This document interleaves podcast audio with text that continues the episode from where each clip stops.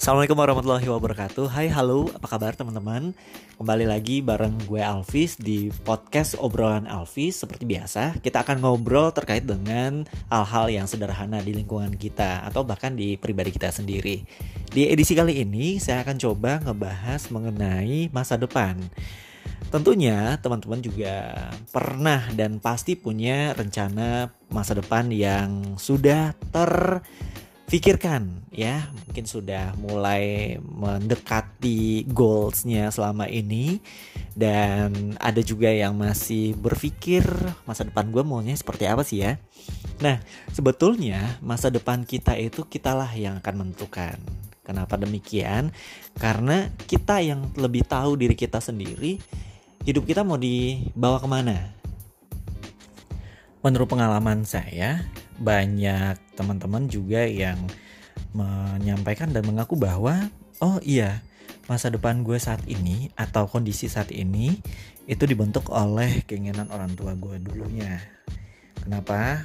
Karena saya dulu diminta untuk masuk ke kuliah jurusan ini, fakultas ini, universitas ini. Padahal saya dulunya nggak mau untuk kuliah di fakultas atau atau kampus A atau di universitas A. Nah, ada orang tua yang memaksakan anaknya harus kuliah di fakultas kedokteran. Harus sekolah di luar negeri. Harus sekolah di jurusan tertentu gitu kan ya. Atau harus sama dengan uh, profesinya dengan orang tuanya kelak di masa depan. Nah, ini yang menjadi uh, masalah untuk kita pribadi. Kenapa? Sebenarnya kita nggak butuh dan nggak mau untuk kuliah di jurusan tertentu Contohnya orang tuanya minta kuliah di kedokteran, sementara dia lebih senang dengan uh, lebih tertarik dengan ilmu pemerintahan misalnya. Atau lebih tertarik dengan bahasa asing. Atau lebih tertarik dengan informatika dan seterusnya. Nah, karena ini adalah permintaan orang tua dengan ultimatum kamu nggak akan saya kuliahkan kalau kamu tidak ikut apa yang saya mau.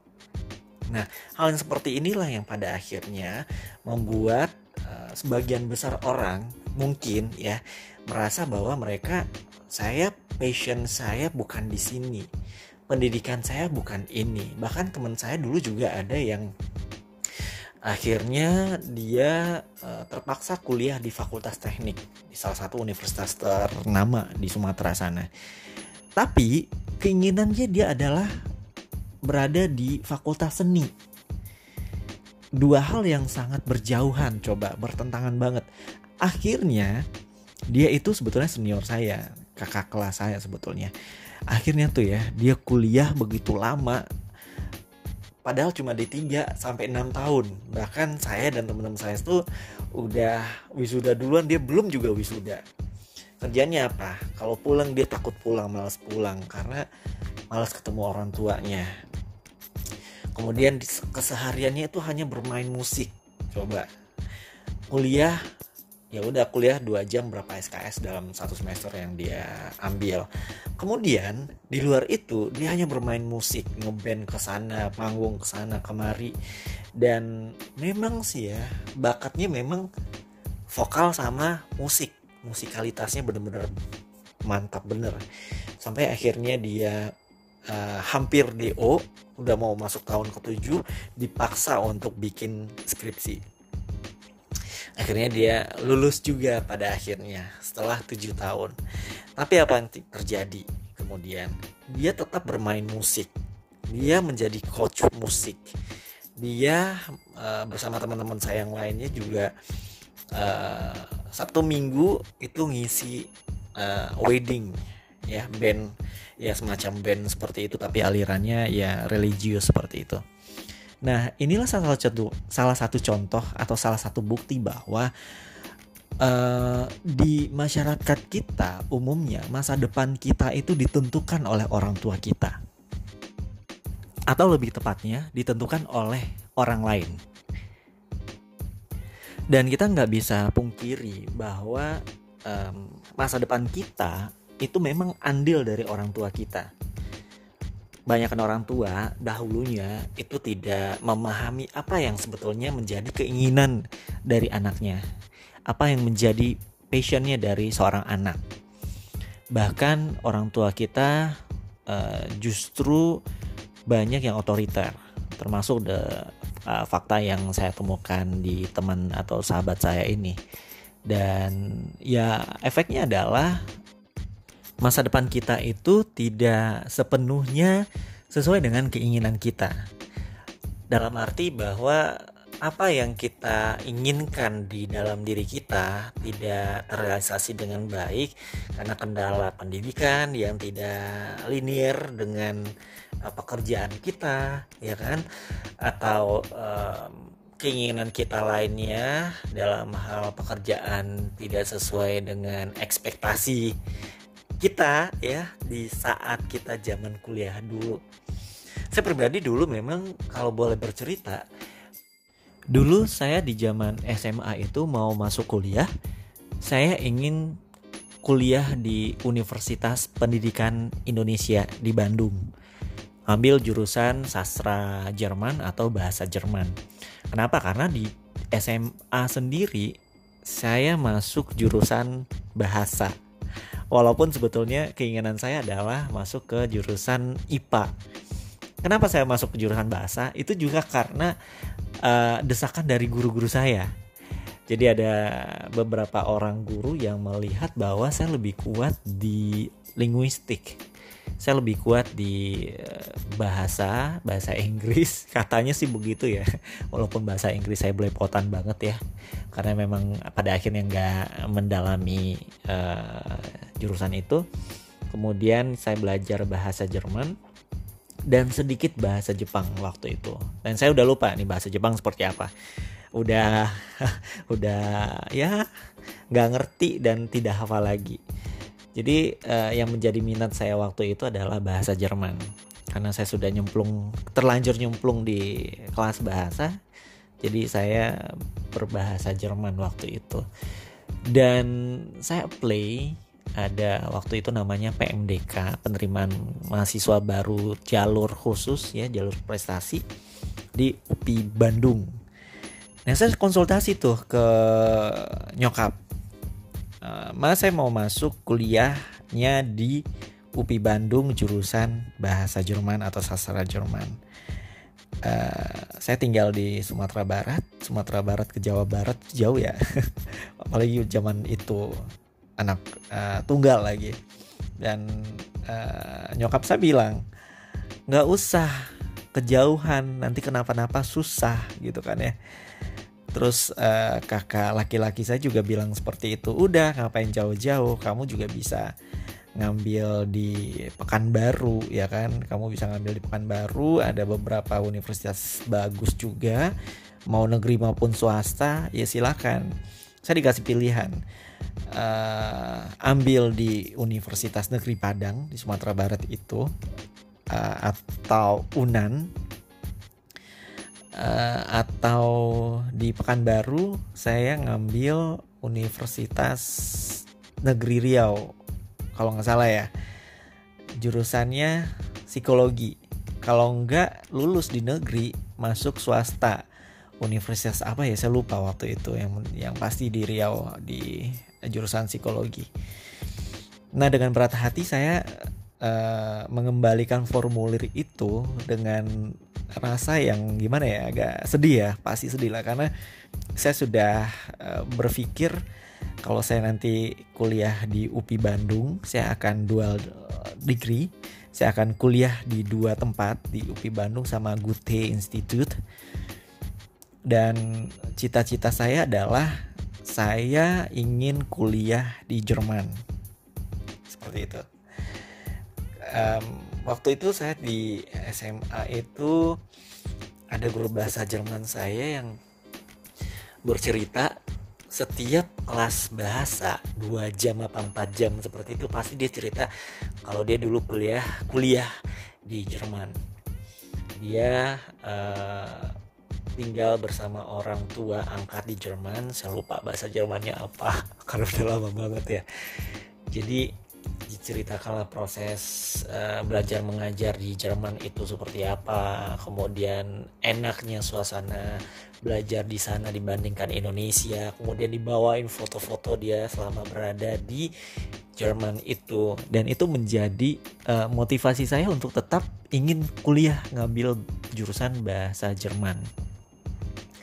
Sayangnya, saya tidak dapat izin tertulis dari orang tua saya dan salah satu syaratnya adalah memang harus melampirkan uh, surat persetujuan dan surat izin dari orang tua yang bersangkutan.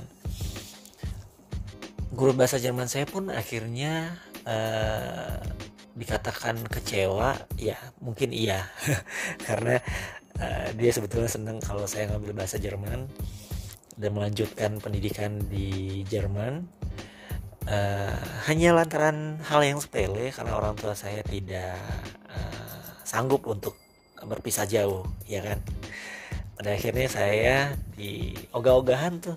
Saya ogah-ogahan ogah-ogahan kuliah. Belum kuliah nih ogah-ogahan untuk belajar. Kan dulu SPMB namanya. Uh, teman-teman pada apalagi teman-teman IPA saya justru banyak bergaul dengan anak-anak IPA Eh, meskipun jurusan saya bahasa jadi kalau jam istirahat saya banyak di kelas IPA mereka pada bimbingan belajar pada sibuk lah mecahin soal-soal SPMB, SBMPTN dan seterusnya. Saya masih sibuk internet dan main game. Sampai akhirnya besokannya saya harus uh, tes ujian. Saya masih main game dan sama sekali tidak membuka eh, soal-soal uh, ujian dan akhirnya saya pilih lah pilihannya adalah di Unan dan di uh, sorry di tetap di Universitas Negeri Padang tapi dua fakultas yang berbeda. Pilihan pertama adalah bahasa Inggris di Fakultas Bahasa Sastra dan Seni. Kemudian kurikulum dan teknologi pendidikan di Fakultas Ilmu Pendidikan Universitas Negeri Padang. Dan kalian tahu akhirnya saya diterima di mana Pilihan kedua adalah Universitas Negeri Padang, jurusan kurikulum dan teknologi pendidikan.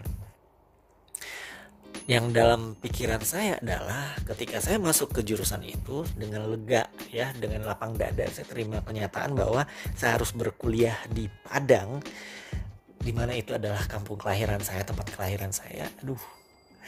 Dan uh, ketika mendengarkan bahwa uh, jurusannya adalah kurikulum dan teknologi pendidikan program studi teknologi pendidikan. Dalam pikiran saya itu adalah jurusan itu benar-benar penuh dengan teknologi yang modern. Sampai akhirnya uh, keinginan saya untuk kuliah di jurusan bahasa Jerman itu pun sedikit goyang. Tahun pertama saya masih pengen untuk kuliah di uh, Bandung jurusan bahasa Jerman itu. Lalu kemudian uh, saya jalani uh, pendidikan itu kuliah dan jauh dari ekspektasi saya bahwa ternyata saya mempelajari uh, metode metode mengajar, saya mempelajari uh, ilmu pendidikannya, saya mempelajari psikologi pendidikan, pedagogi, uh, ya macam-macam lah yang terkait dengan kurikulum pengembangan kurikulum, metode mengajar, terus media ajar, radio, televisi dan seterusnya. Um, justru saya kuliah juga tidak dikatakan serius, ya enggak juga gitu. Enggak serius ya enggak juga gitu kan ya. Cuma di di sela-sela kuliah itu karena ini bukan keinginan pribadi saya, saya anggap itu kuliah saya hanya pelarian saja tapi saya ikuti perkuliahan dengan baik. Di luar itu saya ikut organisasi.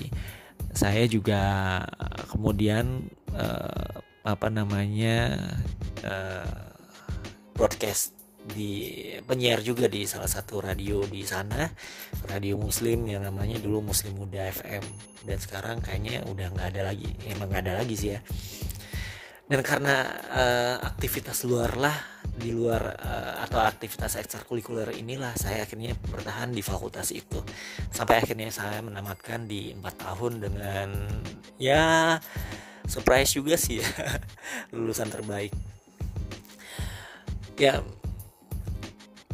kalau dilanjutkan ceritanya akhirnya saya uh, lulus dengan predikat uh, terbaik di kampus itu di angkatan itu.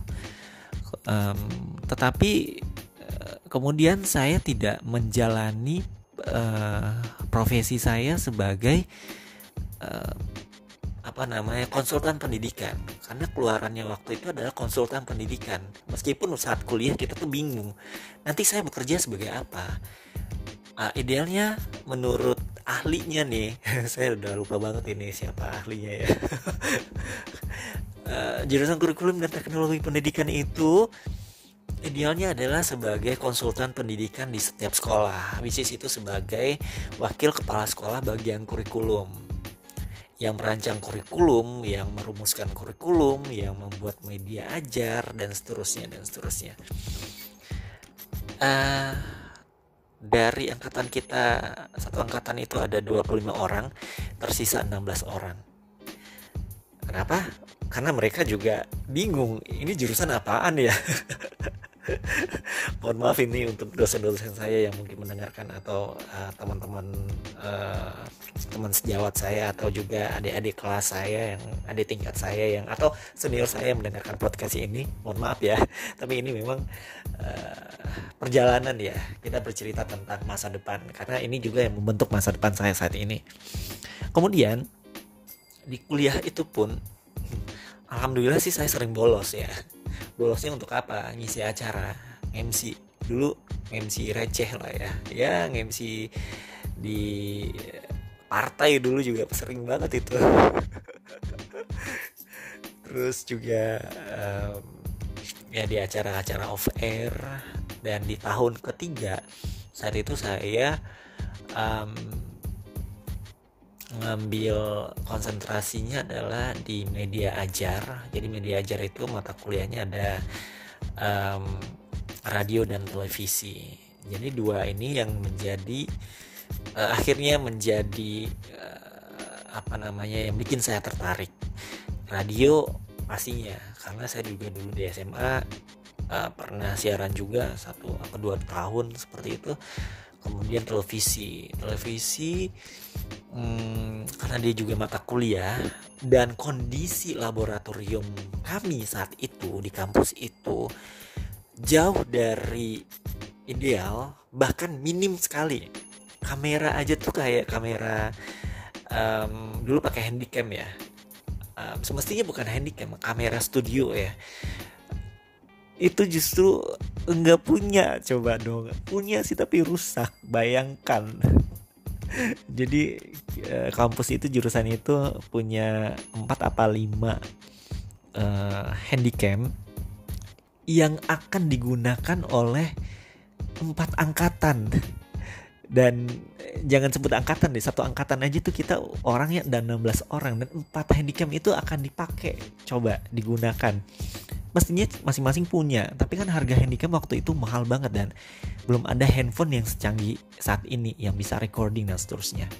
Dan akhirnya saya dapetin uh, bukan dapetin ya saya uh, di uh, waktu itu ada PKL saya ngambil praktek di salah satu televisi um, lokal di Padang sana di Sumatera Barat sana namanya Padang TV kita nih bingung sebetulnya. Um, kita hanya teorinya aja. Teori uh, kamera teori shooting lah ya seperti itu. Peel down ya zoom in zoom out dan seterusnya. Terus teknik pengambilan gambar dan seterusnya. Nah kita tuh sama sekali saya pribadi tuh cuma pegang kamera yang di kamera itu hanya beberapa kali gitu Nah, singkat cerita, kita diterima di uh, televisi itu di Padang TV itu. Sebelumnya saya coba ke Radio Republik Indonesia Sumatera Barat, tapi ditolak karena sudah rame di situ. Ada banyak anak magang dari kampus lain akhirnya masuklah saya dengan tiga orang teman saya di uh, Padang TV itu saya masih ingat namanya Indra Randra Hernos terus saya terus perempuan waktu itu Ingrid sama satu lagi cowok uh, Reno Purba. Nah Reno sama Ingrid si Ingrid gugur. Akhirnya tinggal empat orang saya Reno uh, siapa? Randra Hernos sama Indra. Akhirnya tinggal berempat. Nah dari berempat ini yang bertahan tiga. Jadi pada gugur. Nah tugas pertama saya saat itu adalah uh, ikut dengan reporter dan akhirnya saya juga diberi tugas oleh pimpinan redaksi untuk bikin feature. Uh, itu semuanya di luar ekspektasi saya sebetulnya, di, di luar perkiraan saya dan pada akhirnya uh, melalui uh, praktek lapangan seperti itu saya jadi bisa mempraktekkan apa yang saya pelajari secara teori. Karena apa? Karena kenapa? Karena um, saya diberikan dipinjamkan oleh uh, redaksi redaktur satu kamera dan saya gunakan itu karya pertama saya adalah membuat feature yang keseharian dari uh, petugas kebersihan jurusan saya namanya Nimet kalau nggak salah jadi saat itulah saya mulai coba uh, serius di broadcasting khususnya di TV itu. Pagi hari saya sudah sampai di rumahnya setengah enam karena saya mau bikin feature atau uh, liputan dia dari dia bangun tidur sampai dia tidur kembali. Selama 15 menit tayang. Sebetulnya tayang setengah jam sih ya program satu blok time. Dan akhirnya itu sukses saya berhasil melakukan uh, kegiatan itu sendiri tanpa dipandu tanpa dibantu oleh lighting lightman uh, terus um, apa namanya soundman dan seterusnya. Bahkan untuk dubbernya sendiri pun suara saya. Uh, untuk editing memang ada editor dari kantornya tapi itu satu pencapaian yang prestasi buat saya. Di angkatan saya mungkin um, tidak semua teman-teman saya bisa melakukan hal itu. Kemudian ya um, tiga bulan berlalu dan akhirnya saya diminta bukan diminta sih waktu itu juga iseng. Um, saya pengen jadi pembaca berita waktu itu. Nah kebetulan banget di malam itu saya sampai jam 8 malam disuruh standby karena kita di redaksi di news departemen. Saya disuruh standby karena informasi yang kita terima para news presenter ini berhalangan which is semuanya adalah orang anak-anak freelancer ya kan? Jadi saya disuruh standby. Padahal itu ada jam 8 itu semacam eh, 5 menit berita ya kayak uh, breaking news tapi versi Padangnya bahasanya bahasa bahasa bahasa Indonesia sih. 5 menit sebelum uh, detak terkini namanya waktu itu saya dipanggil sama pimpinan redaksinya. Fis ini nggak ada nggak ada nggak uh, ada presenter. Lu bisa nggak jadi pembaca berita malam ini dalam hati saya wow ini kesempatan nih. Ini yang saya tunggu-tunggu kesempatan ini. Dan kalian tahu apa sih di, di, saya jawab apa? Bisa. Tapi saya butuh um, bukan pengenalan kamera ya. Saya butuh adaptasi dengan kamera. Karena waktu itu di studio hanya saya kemudian kameramen dua orang kemudian di kontrol rumah ada tiga orang.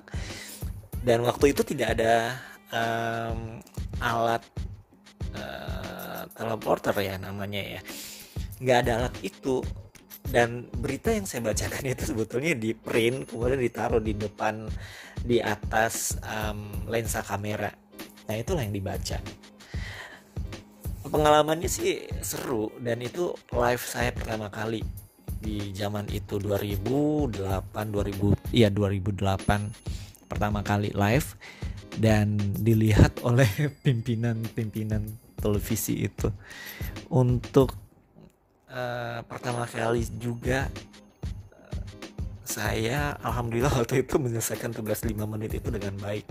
Membaca berita sambil uh, saya lupa apakah masih ada rekaman itu ya.